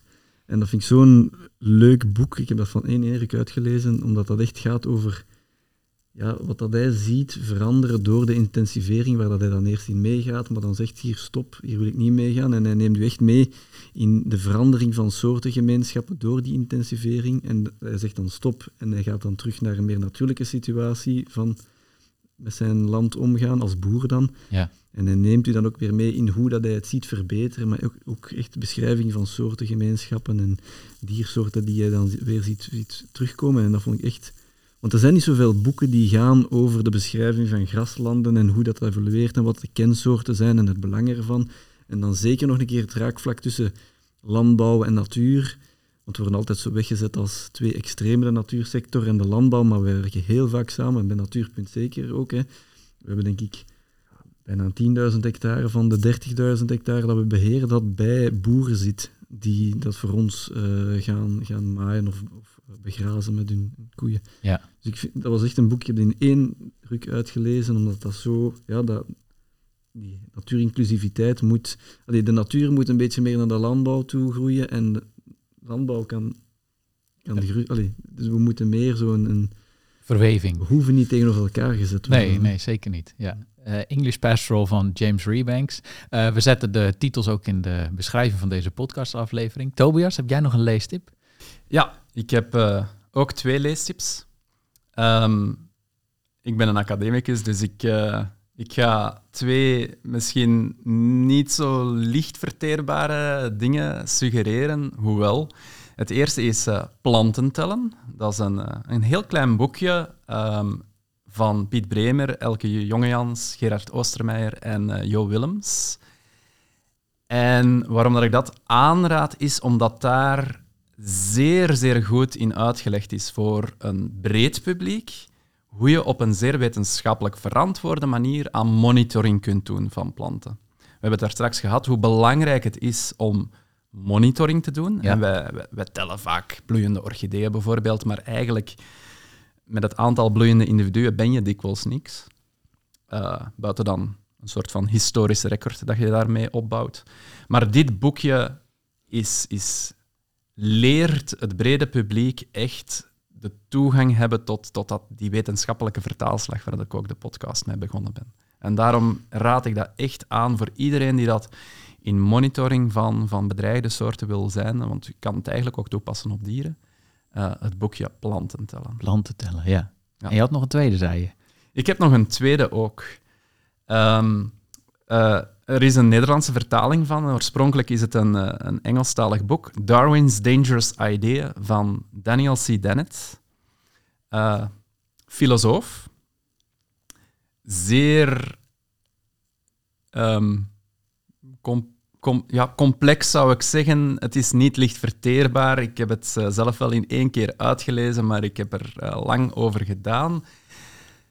Het, is een, het, het gaat over hoe de idee van Darwin van evolutie toepasbaar is op alle aspecten, niet alleen van natuur, maar ook op, op heel veel aspecten van onze maatschappij als mensen.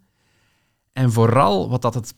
Het, gaat een deeltje over evolutietheorie en dat een, Ja. beetje inleiding daartoe. Dus dat, dat, dat de lezer mee kan zijn tegen de point dat hij wil maken in zijn boek. Hij probeert een definitie te geven van wat, waar we waarde aan hechten als maatschappij en waar niet, op basis van de evolutietheorie. En waarom ik dat in deze context zo interessant vind, is herintroducties is ook vooral waar hechten we waarde aan? Welke natuur willen we behouden? Hoe ver moeten we daarin gaan? Eh, hoe groot kan het maatschappelijk draagvlak daarvoor zijn?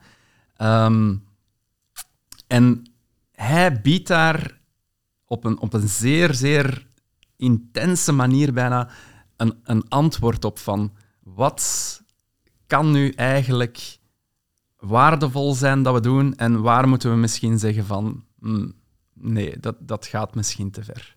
Zeer, zeer interessant boek. Ja, het klinkt dus wel dat het tot de kern raakt. Ja, ja voor mij alleszins. Het was, uh, ik heb uh, als student geen standaard curriculum gevolgd. Ik was, was altijd een, een luis in de pels van de onderwijscommissie.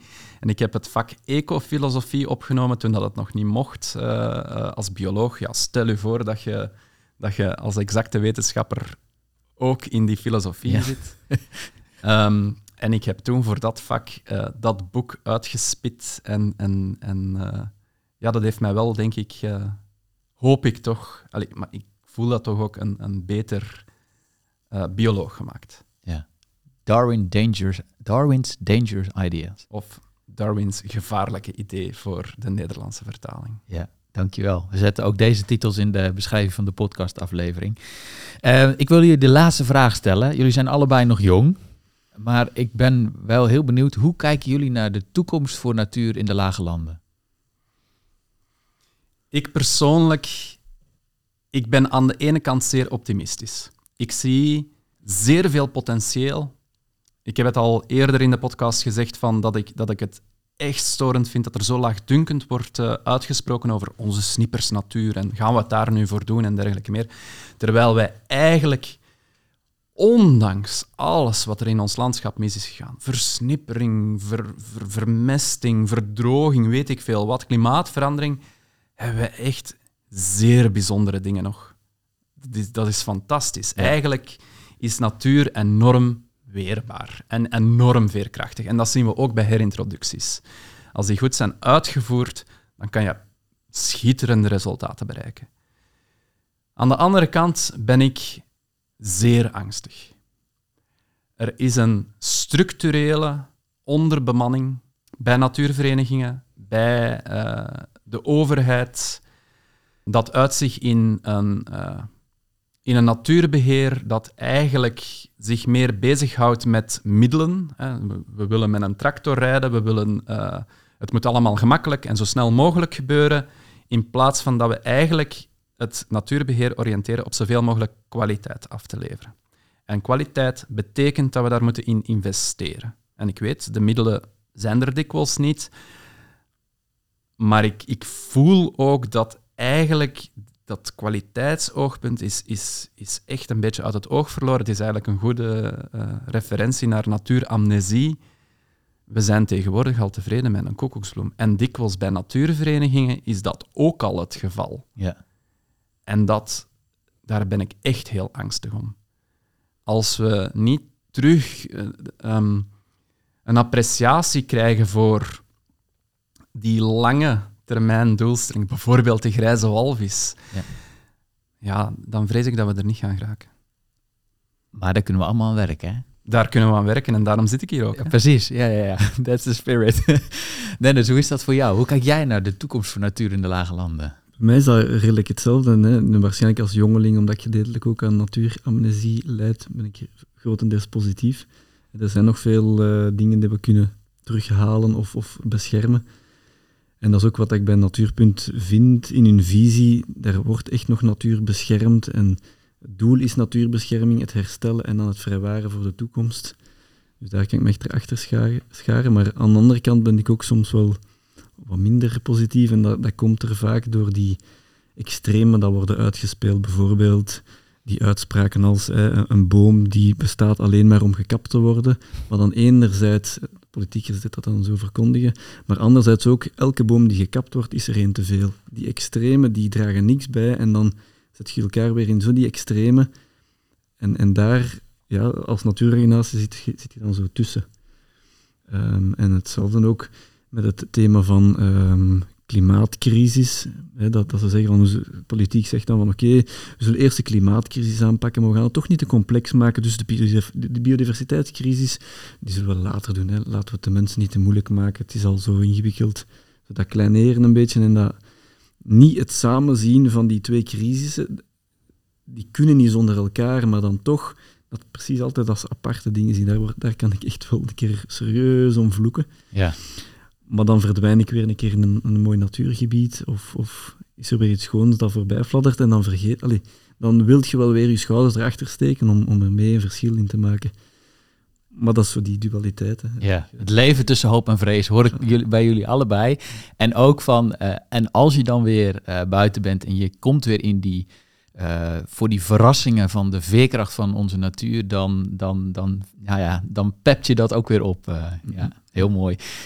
daarmee wil ik jullie heel hartelijk bedanken. Dennis de Rijk, Tobias Keulemans, voor dit heel boeiende gesprek over herintroducties en wat dat allemaal betekent voor onze natuur. Dank jullie wel. Graag gedaan. Geen dank.